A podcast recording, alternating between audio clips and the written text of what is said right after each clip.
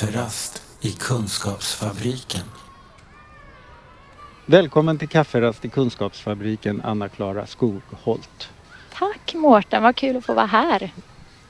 Och vi sitter, nu får man ju äntligen umgås eh, i riktiga livet eh, igen. Så vi sitter i en park på Södermalm i Stockholm. Så om ni hör barn och jätter i bakgrunden så, så är det inte trick. Utan det är som det är. Det är på riktigt. det är på riktigt. Mm, Eh, det är väldigt mysigt. Ja, väldigt härligt. Mm. Ehm, och vad bra att du kunde komma upp till Stockholm. Eller du är Mm. här på semester. Mm, Och exakt. för annars så bor du i Göteborg. Mm, precis, Mölndal bor jag i annars. Och sen så nu då är jag här uppe kring Stockholm och Uppsala. Träffar lite familj och så. Vad härligt. Mm, det är superhärligt. Ja, men du är...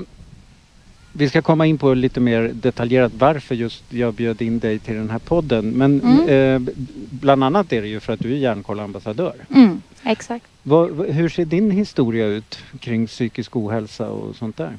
Mm. Min historia är... Det började när jag var fem, 14 år. Mm. så började det.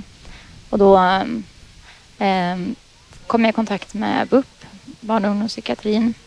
Och så blev jag inlagd på avdelning där. Mm. Och man misstänkte depression. Jag hade, hade en del ångest.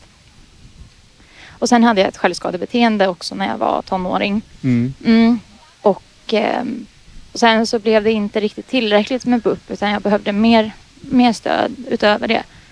Så eh, Mer löpande omsorg på något sätt? Ja, eller? ja men exakt. Mera, dels löpande men också att det var ehm, ja, men, tillgänglig omsorg om man Mm, säger. mm. Mm, mycket stöd och sådär. Så då, då fick jag komma till HVB hem. Mm. Eh, och så bodde jag där då i på, jag bodde på tre olika HVB-hem. Hur var det? Jo, alltså så här nu, nu i efterhand när jag tittar på det så eh, ja, men jag minns ju mycket som var roligt. Mm. Framförallt så här, och nu när det är sommar så jag, jag är glad att jag har fått minnen från att vara ung där jag var ute och red till Mm. exempel. Jag fick ha en häst. Mhm. Mm. Det är Mm. en väldigt bra erfarenhet. Mm. Mm. Och kanske Ehm. också något som är lite häftigt när man är 15. Exakt, Mm. det är det ju. ja men då var jag lycklig. Mm. Ja, över det. Men sen var det ju också så här, det var ju... Det var, alltså det var ganska tufft emellanåt också att bo på de där HVB-hemmen. Mm. Mm. Men jag är ändå liksom... Nu när jag är vuxen och så kan jag ju se på mitt liv och min livserfarenhet med lite mm, ja, men mer förundran eller fascination på något sätt. Mm. Att livet kan vara så här. Ja, just det. Mm, För det vet man ju inte när man är 15 för då har man inte hunnit leva så mycket liv än. exakt. Och då kan vi säga att du fyller snart 30 så det där Ja, du är dubbelt så gammal Exakt. idag. ja. Mm. ett halvt liv bort. Ja, just det. Ja. precis. Men sen, Mm. ja, men jag ska säga det också att sen då så när jag var 17 så fick jag eh, diagnostiserad eh, psykossjukdom. Och så, Kunde man, hängde det liksom ihop med den här upplevda depressionen eller äh, ångesten och sådär? Eller var det lite olika saker? Eller var det där en Mm. föraning av vad som komma skulle? mm, jag, jag vet inte. Men jag läste för ett tag sedan någon eh, sån här eh, någon forskningsrapport eh, och så. Och Mm. tydligen är det inte helt ovanligt att om man har eh, depression när man är ung så Mm. kan det egentligen vara en, eh, ja men Inledningen på Inle- någon, ja, en exakt. psykossjukdom? Precis. Eller rättare sagt tvärtom. Om man får Ja, psykossjukdom exakt så kan så- det ha, ofta ha börjat så. Ja, Mm, mm, Precis. mm. För att alla som är unga som får depression och ångest Mm. drabbas ju inte av psykoser. Nej, Nej, nej exakt. Mm. Men de som har drabbats av psykos har ofta också haft Ja. eh, depression innan. Sen så bodde jag ju på de där HVB-hemmen Mm. och så är, emellanåt var jag inlagd på psykiatrin också då, slutenvården. Mm. När det blev för tungt. Mm, precis, när det, exakt när det blev för tungt.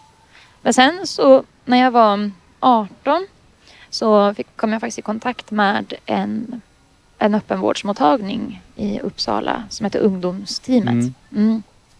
För, ja, jag är ju född- jag är ju från Ja. Uppsala. Då bodde du i Uppsala. Exakt, Mm. då bodde jag i Uppsala. Mm.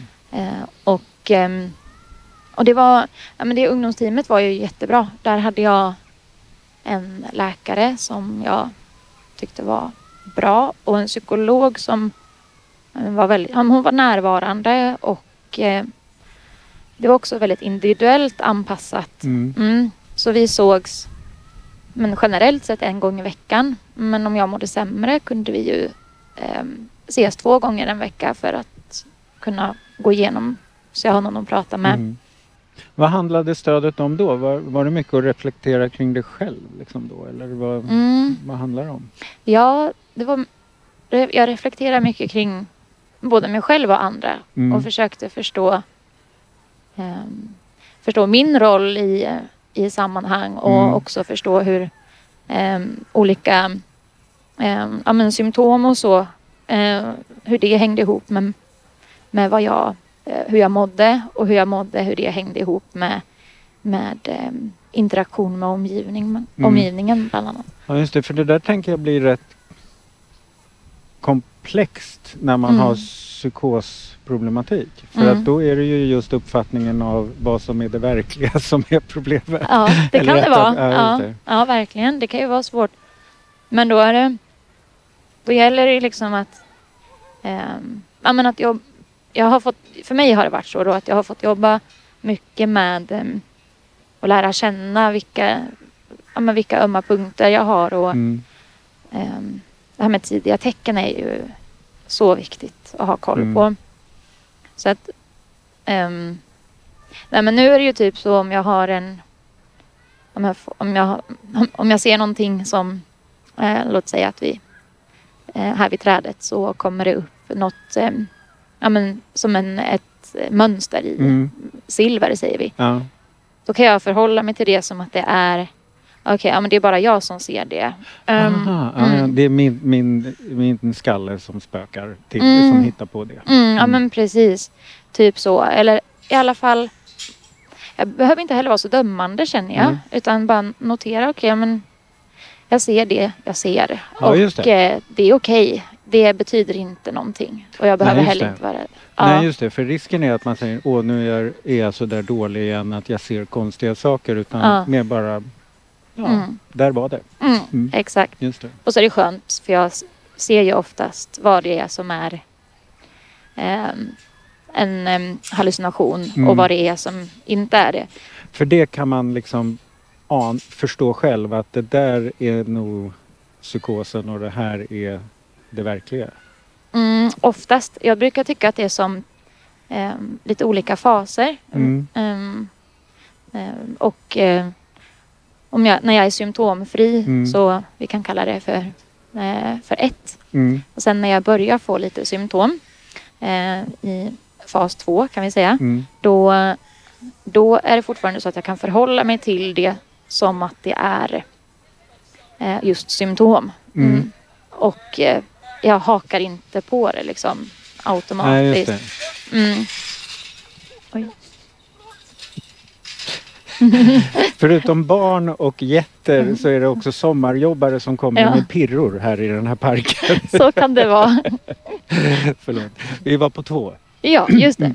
Ja, nej men och sen då i, eh, i fas två så då kan det vara ganska viktigt att eh, prata med omgivningen med en anhörig eller en personal eller så. Eller, Aha, eh, för för att- få bekräftat liksom att nej men det är Vad som är vad. Ja, precis. Och där, det, där kommer vi in på en intressant grej för då måste jag kunna lita på den människan. Mm. Ehm, så där är det också Någon mig, som vet vad du har för behov i den stunden. dels det och sen är det också viktigt att det är en människa jag känner att jag kan lita på att så här, men han eller hon skulle inte ljuga för mig nu. Nej, nej. Mm. Och det, så, här, så att därför kan det ibland vara...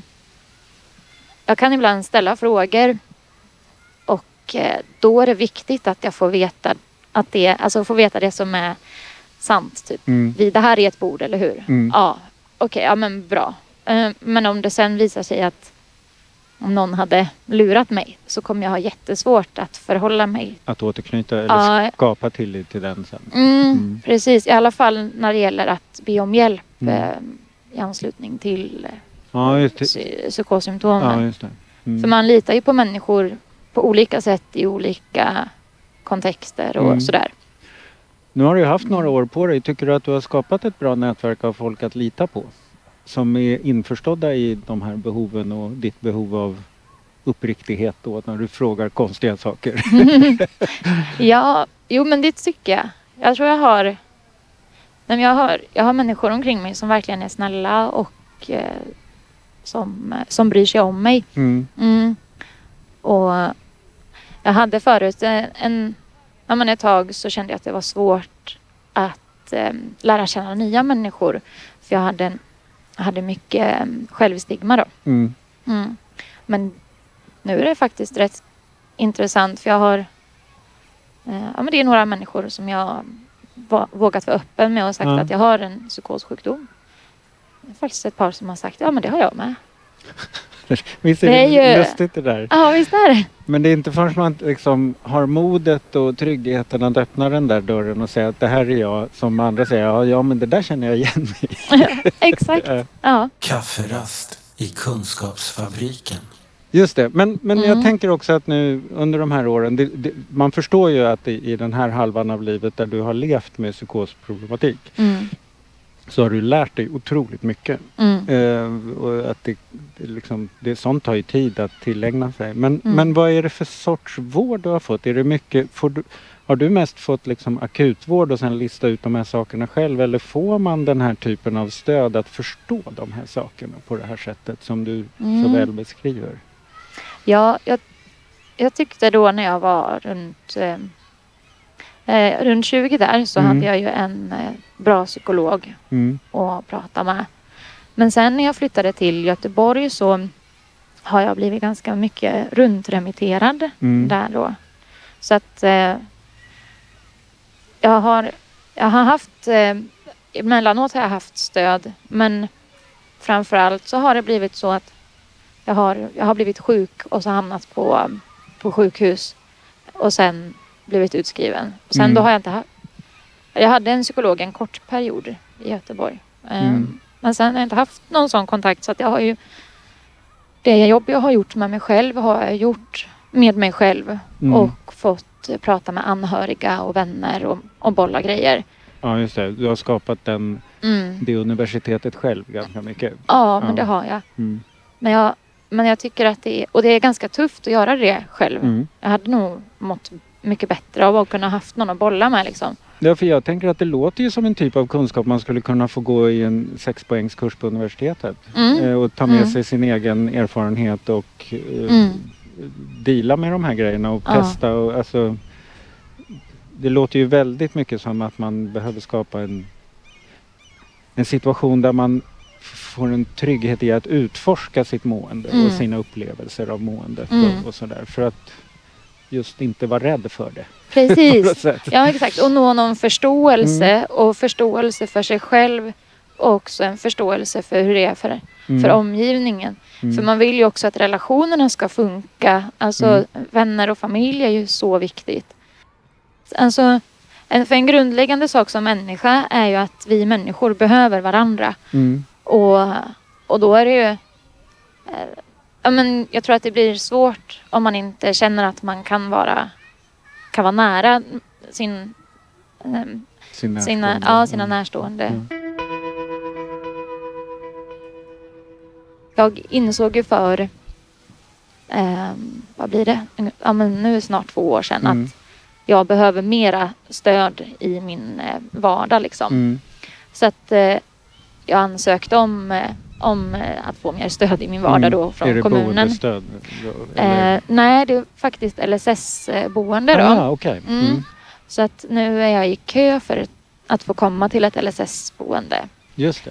Och det är då Mm. vi kommer in på det som var det här som Mm. vi, vi hittade varandra Exakt. på Facebook. För att Ja, i väntan på det där LSS-boendet så har Mm. man då eh, gett dig en plats på, på ett äldreboende. ja, Och, och min första reaktion, och den var jag säkert inte ensam om, var att Mm. nej, Mm. unga människan sitta där på ett äldreboende. Men Mm. då beskrev du att här har jag upptäckt massa bra saker. Ja, exakt. Och som jag, alltså de iakttagelserna du hade gjort där tycker jag är jättespännande att ta del av Mm. för att det säger Mm. någonting om hela vården. Ja, ja men det gör det ju. Det, men jag, och sen vill jag också säga att först och främst att ja, men självklart så ska det ju inte vara så. Alltså Nej, den reaktionen är ju fullt Sund. rimlig. Ja. Ja. den är sund. Men, det, men sen så har, gjorde jag, ja, men jag, jag, in- jag tänkte så här. Nu har jag ett eh, kanonläge att betrakta vården och jämföra vård i olika sammanhang. Och, så.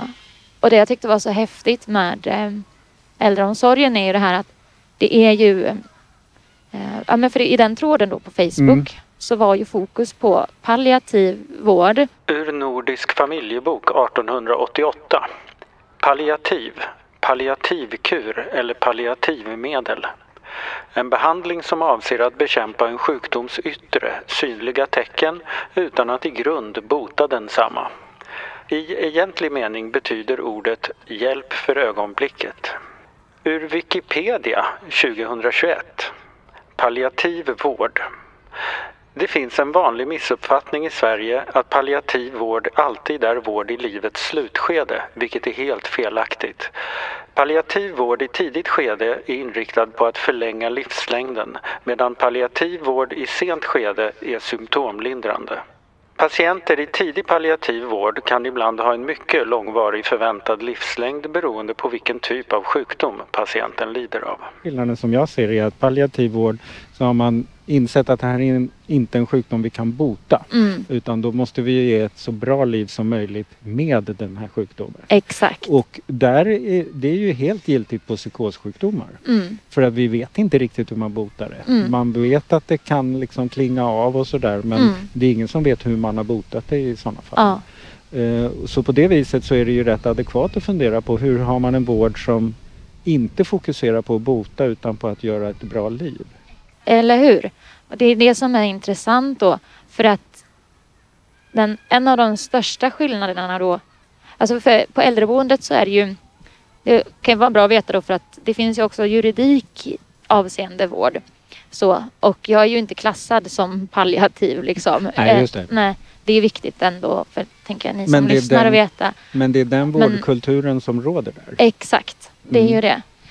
Och det första som jag noterade som jag tyckte var en stor lättnad, alltså, det är ju att jag behöver inte tillfredsställa personalen hela tiden. Många gånger så tycker jag att det har varit liksom Ja, nej men vet du vad, nu får du göra det här så ska du följa det schemat, göra det här programmet. Ehm, ja, så tar vi en uppföljning på det om eh, fyra veckor. Mm. Och så är man inte Så har vi själv gjort en insats. Precis, så har vi gjort en insats så ser det rätt ut i papperna åtminstone. Mm. Jag, tror, jag, jag tror det kan vara så ibland. Så Mm. jag, jag tror att människor vill verkligen väl. Mm. Ehm, det tror jag. Men jag tror ibland att man också som personal kan ha en, en push Mm. på sig.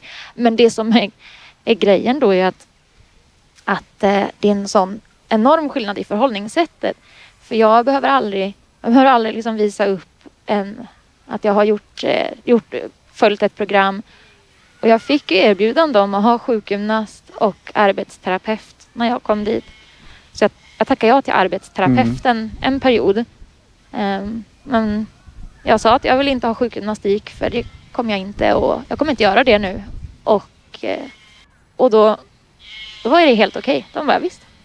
Och så jag, jag bara ja, jag måste ha motivationen inifrån annars så blir det ingen Mm. förändring. Ja visst, det kör vi på. Det är, ju- Ja. alltså det är intressant att, att en sån enkel slutsats eller ett sånt enkelt bemötande från personalen Ja, ska kännas som en sensation. ja eller hur? ja men verkligen. För grejen är att när man, har, när man redan har en, eh, en sjukdom att hantera så kan det bli jättesvårt att behöva tillfredsställa andra människors eh, protokoll också. Ja, just det. Ja, Mm. så att jag blev, jag blev jätteförvånad över att det Mm. var så. Men vad hände, vad hände med dig då förutom att du förvånades över det? Vad Liksom, vad blev effekten för dig och ditt mående? Liksom? Mm, det är det som jag tycker är intressant då. För att effekten blev ju att det var... Eh, jag sa till vilka saker det var jag ville ha hjälp med som var viktiga för mig. Och det jag faktiskt också behöver ja, men, hjälp Mm. med som är viktigt inte bara för mig utan för Mm. många. Så här, eh, måste äta och dricka och sova liksom. Men det som hände med mig då var att eh, jag blev för det första inte alls lat utan det, för Nej, den, det där är det där är, ja visst är det. Berätta, vad tänkte du? Nej men jag tycker alltså Mm. när man säger att nej men eh, vi måste utgå från vad som kommer ur dig. Mm. Då kommer det saker ur en. Mm. Och det viktiga är ju någonstans en människas liv. Det, är ju, det är ju jag som ska leva med Mm. mig resten av mitt liv. Och då på något sätt så måste det ju vara Alltså vad ska man säga? Min karma måste ju jag bära. Mm. Du kommer aldrig kunna bära den åt mig.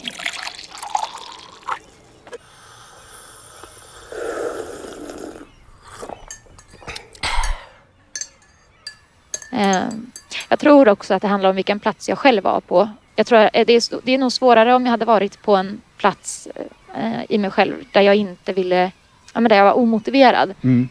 Då kan, ja, Mm. då kanske det hade varit bättre att vara på psyki- en psykiatriavdelning Mm. kanske. Ehm, men jag vill ju som alla andra människor ha ömsesidiga relationer. Jag vill ju ta det ansvar jag kan för mitt liv. Mm. mm. Och, och jag vill ju ha livskvalitet Mm. och sådär. Och då är det ju det är viktigt att eh, omgivningen förstås är peppande och det tycker jag de är liksom på, på äldreboendet. Mm. Men det är också viktigt att ingen kommer och, och pusha på för hårt i, eh, ja, men Mm. där det inte behövs. Ehm, så jag, det, man är ju inte en, en produkt på ett löpande band som några ska sätta på saker på medan man far igenom bara. Utan Mm. du ska ju, när du är där, leva ditt liv också. Ja, Där, inte bara precis. vårda för att sen åka hem och leva ditt liv. Utan du Exakt. ska ju leva det medan du är där. Ja. också. Precis. Mm. Och det här med att man är i nuet på något sätt. Att man kan ju inte... Jag, jag tänkte ett tag så här, nej men det här är en parentes av mitt Mm. liv. Men så... Sen blev det väldigt plågsamt att leva så och bara tänka det här är temporärt. Att ha Ja, det. hela tiden, Mm. det går ju inte. Eh, inte för mig. Jag behöver ju kunna leva som om det finns en morgondag också. Mm. Ja. Ja, det där är intressant för att det, dels handlar det om att den här dagen är också mitt liv. Den är inte bara en dag av insatser för att något ska vara annorlunda imorgon. Utan Mm. det är bägge delarna. Mm. Alltså den här dagen är en del av mitt liv. Den här ska, ska jag också komma ihåg. ja, exakt. Och samtidigt kan jag passa på att använda den till någonting där jag utvecklar mig så att något är annorlunda imorgon. Ja, Just det. Mm. ja. Det där kanske är en, en sån där avighet med vårdens grundidé, Mm. tänker jag. Mm. Eh, att, att vården så mycket tänker som att det här är undantagstillståndet. Ja. Det här är parenteserna i människors Ja. liv. Mm. Men för uh, människor med våra sjukdomar Mm. så är det ju kanske så att jag är inne på avdelning just nu Mm. för att det är extra svårt. Ja. Men det kan inte uppfattas av vare sig mig eller vården som en parentes i mitt liv utan det är Mm. bara en skiftning i, i mitt liv. Mm, vis. exakt. Mm. Det finns ju en attityd ibland, eh, eller kanske ofta, av att du ska inte trivas här. Liksom. Mm. Och, och jag, jag kan ju förstå att eh, man vill motivera människor ibland att komma bort från eh, vården. Att, ja, att det inte ska vara för trevligt. Mm. Och jag, men den principen tror inte jag funkar riktigt än- ändå. För att, Mm. ja, vad, tänk- vad tänker För du om på? man vänder på det så tänker jag att även om de får dig att trivas på ditt äldreboende där du är Mm. nu Mm. så låter det inte som att du tänker att det är här jag ska bo. Nej, exakt. Jag vill inte bli kvar där. Nej, eh, Mm. men så att det måste inte finnas en, en koppling mellan att börja trivas och bli institutionaliserad. Exakt. Du har ju då i psykiatrin och på HVB-hem och nu i äldreomsorgen Mm. mött personal då Mm. i, som Ja. arbetar i- med kanske eventuellt lite olika vårdideologier i Mm. ryggmärgen. Mm. Vad skulle du säga är, är som skiljer mellan, vad, mellan den här personalen du möter nu? Vad, vad är det Mm. de tänker som man inte har tänkt tidigare? Ja men precis. Den, jag tror att eh, det, det jag märker av är ju först och främst att jag, jag har inte riktigt hamnat i den här kategorin psyk, eh, Nej, nej, det är sant. Ja, Mm. för, för på, i den här kontexten då på äldreboendet så är ju jag den som är yngst. Det, de andra är ju liksom Det får man hoppas. Ja, det får man hoppas. Nej, men men då, jag, man får ju, det här med roller tycker jag är intressant för jag tror också att det spelar in för hur man som personal Mm. agerar. Och mina grannar är ju liksom 60, 70, 80, 90, 100 år. Mm. Den rollen jag har, har själv gått in i men också roller är ju alltid ömsesidiga. Så Mm. att, ehm, ja, det finns ju förväntan från både mig och andra. Men att ehm, jag är yngst och jag har ju ingen somatisk eh, sjukdom. Så att jag är väl den som kanske är friskast på något sätt i eh, funktionen. Mm. Alltså, eller har högst, ja, men, högst funktion. Mm. Ehm, om man tänker med andra som kanske ja, men, behöver mer omvårdnad. Mer det. så menar jag. Mm. Ehm, nej, men så jag är ju inte, jag är inte sjuk där. Nej. Men jag är heller inte, jag är heller inte en ängel. Och det är Ja, skönt du att få vara människa. Ja, Ja, det. ja, Mm. exakt. Jag får vara mänsklig. Och, och de är Men- ju salut, har ju ett salutogent Ja, arbete. just det. Ja. Ja, och det tänker jag är intressant för att om man har ett salutogent arbetssätt då är det egentligen ointressant vilken åkomma man har. Mm, mm, exakt. Från Wikipedia 2021. Salutogenes betyder hälsans ursprung. Det salutogena perspektivet fokuserar på vilka faktorer som orsakar och vidmakthåller hälsa mer än vad som orsakar sjukdom, patogenes. Begreppet salutogenes myntades av Aron Antonovsky som var professor i medicinsk sociologi. Hans svar på frågan om var en individ befinner sig på en skala mellan hälsa och ohälsa var känslan av sammanhang, KASAM. Är det ett problem att de kanske inte har så stor erfarenhet av psykos, personer med psykossjukdom? Eller det kanske de har? Mm, det, så det, emellanåt är det ju ett, är, kan, emellanåt är det problematiskt. Um, så, för, för ibland så kan det bli svårt tror jag för den som ska ge mig stöd om den inte har um, erfarenhet och, och så sen innan. Men sen är det ju en del som har det också. Eh, och sådär. Men För det måste ju finnas äldre som dyker upp hos dem som har psykossjukdom. Mm. Jo men det är det ju.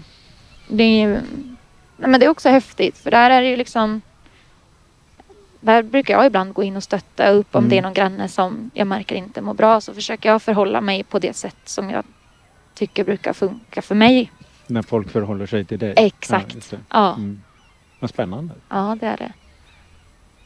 Och sen har jag ju fått bli, alltså ibland så går jag och hämtar matvagnen i köket och Mm. de känner För igen du är mig ju där. friskast. Ja, exakt. Precis. Ja. Och så, ja, och så sitter jag vid pianot. Så jag, jag, jag har ju liksom mer blivit kanske någon... Ja, men den där, den där tjejen som, som har hamnat här. Och eh, folk är snälla, tycker jag. Ja. Det är en bra, Mm, det är en bra grundgrej att folk är snälla. ja. Ja. Det är ju någonting i det här som, som, som man borde lära sig av. ja, det är det ju. jag. Ja. Mm. ja, men precis. För om man tänker i hur det kan vara i- på... Eller hur det har varit för mig inom vissa vård... I eh, slutenvården till Ja, exempel. exakt. Mm. Så jag upplever att det, det kan vara hårdare Mm. attityder. Ehm, och det här, man utgår emellanåt från att det är liksom det allra värsta som kommer att hända.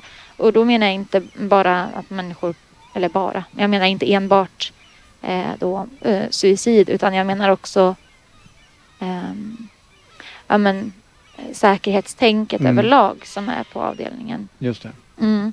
Och det och maktförhållanden också. Att, ehm, Ja, just det. ja, det. Det skapar lätt en hårdhet. mm, Mm. Det gör Eller en det. upplevd hårdhet i alla fall. Mm. Mm. Om man tänker sig nu då att du om inte för lång framtid skulle behöva slutenvård igen. mm. Är det några saker du skulle kräva på att skulle vara annorlunda med tanke på den här erfarenheten du har nu? Eller där du skulle Mm. kanske kunna vara mer precis i dina önskemål? Mm.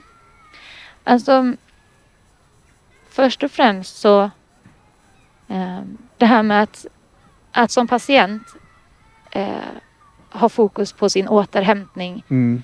Istället för fokus på att eh, papperna ska se bra ut i en perm. det, det är väl det första. Ja. Ja. Och det är ju det är ju mystiskt att det ska vara eh, något man behöver prata om idag ens. Mm, Eh, just det. Mm. Mm. Men det säger ju någonting om vårdens styrsystem. mm, det gör det ju. På något sätt. Ja. Ja. Det var nog faktiskt så att det här som du tog upp, eh, liksom di- din i, iakttagelse här med Mm. äldreboendet, är, den, den handlar precis om det där. Mm, Eh, att eh, mm, så länge vården tänker att vi vet vad vi ska göra för patienterna hela tiden mm, så kommer de alltid missa målet att skapa hälsa. Eller Mm. det, det är mycket möjligt att de i flera fall kommer skapa, bidra till hälsa. mm. Men de kommer aldrig kunna veta det. För det är Nej. inte det de är intresserade av egentligen utan Nej. de är intresserade av att, du, att papperna ser bra ut. Ja, Mm. exakt. Och det, jag, jag tror ju att det är... Alltså där är det, det är ju... Men det sjuka är ju att papperna ska se bra ut Mm. och det sätter en press på personalen Mm. att leva upp till eh, papperna, Mm. deras, pappernas Mm. krav. Och då behöver personalen sätta press på patienterna Mm. och då, då har vi en styrning i Mm. vården som inte funkar som vård. Då är det ju bara byråkrati det handlar om. De är härliga de där fåren. De håller med mig. De tycker nog att det är bra. Man utgår från de det som fungerar. Bifall, de bräker bifall. Ja. ja. Nej, men,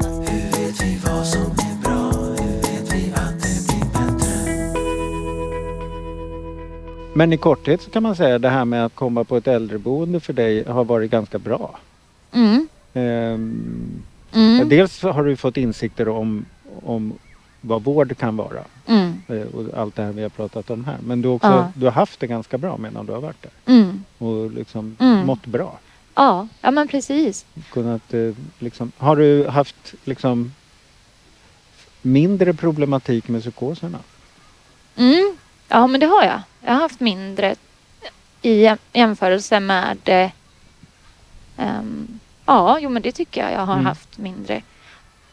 Och jag tänkte också på det med att det...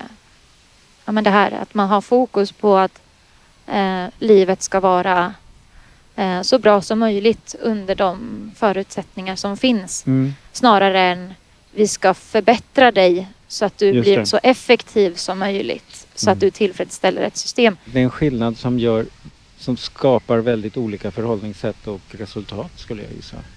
Men vi har ju varit mjuka och det har ju lett till att jag har kunnat utvecklas för då har jag fått eh, respekt för min integritet och Mm. eh, så.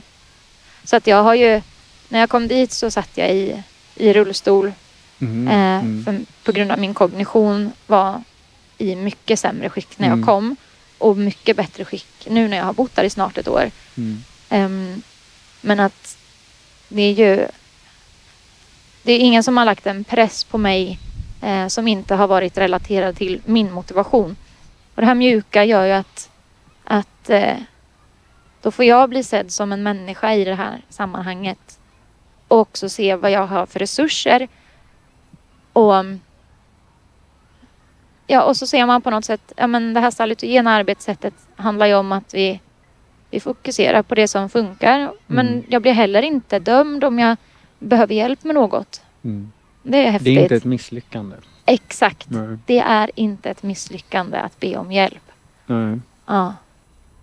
Det där tar vi med oss. Mm. Jag tänkte mer eh, som slutfråga utifrån det här vi har pratat om. Vad, vad skulle du vilja lära dig mer om kring det här? Mm. Nej, men jag skulle vilja lära mig mer om... Åh, det är många grejer.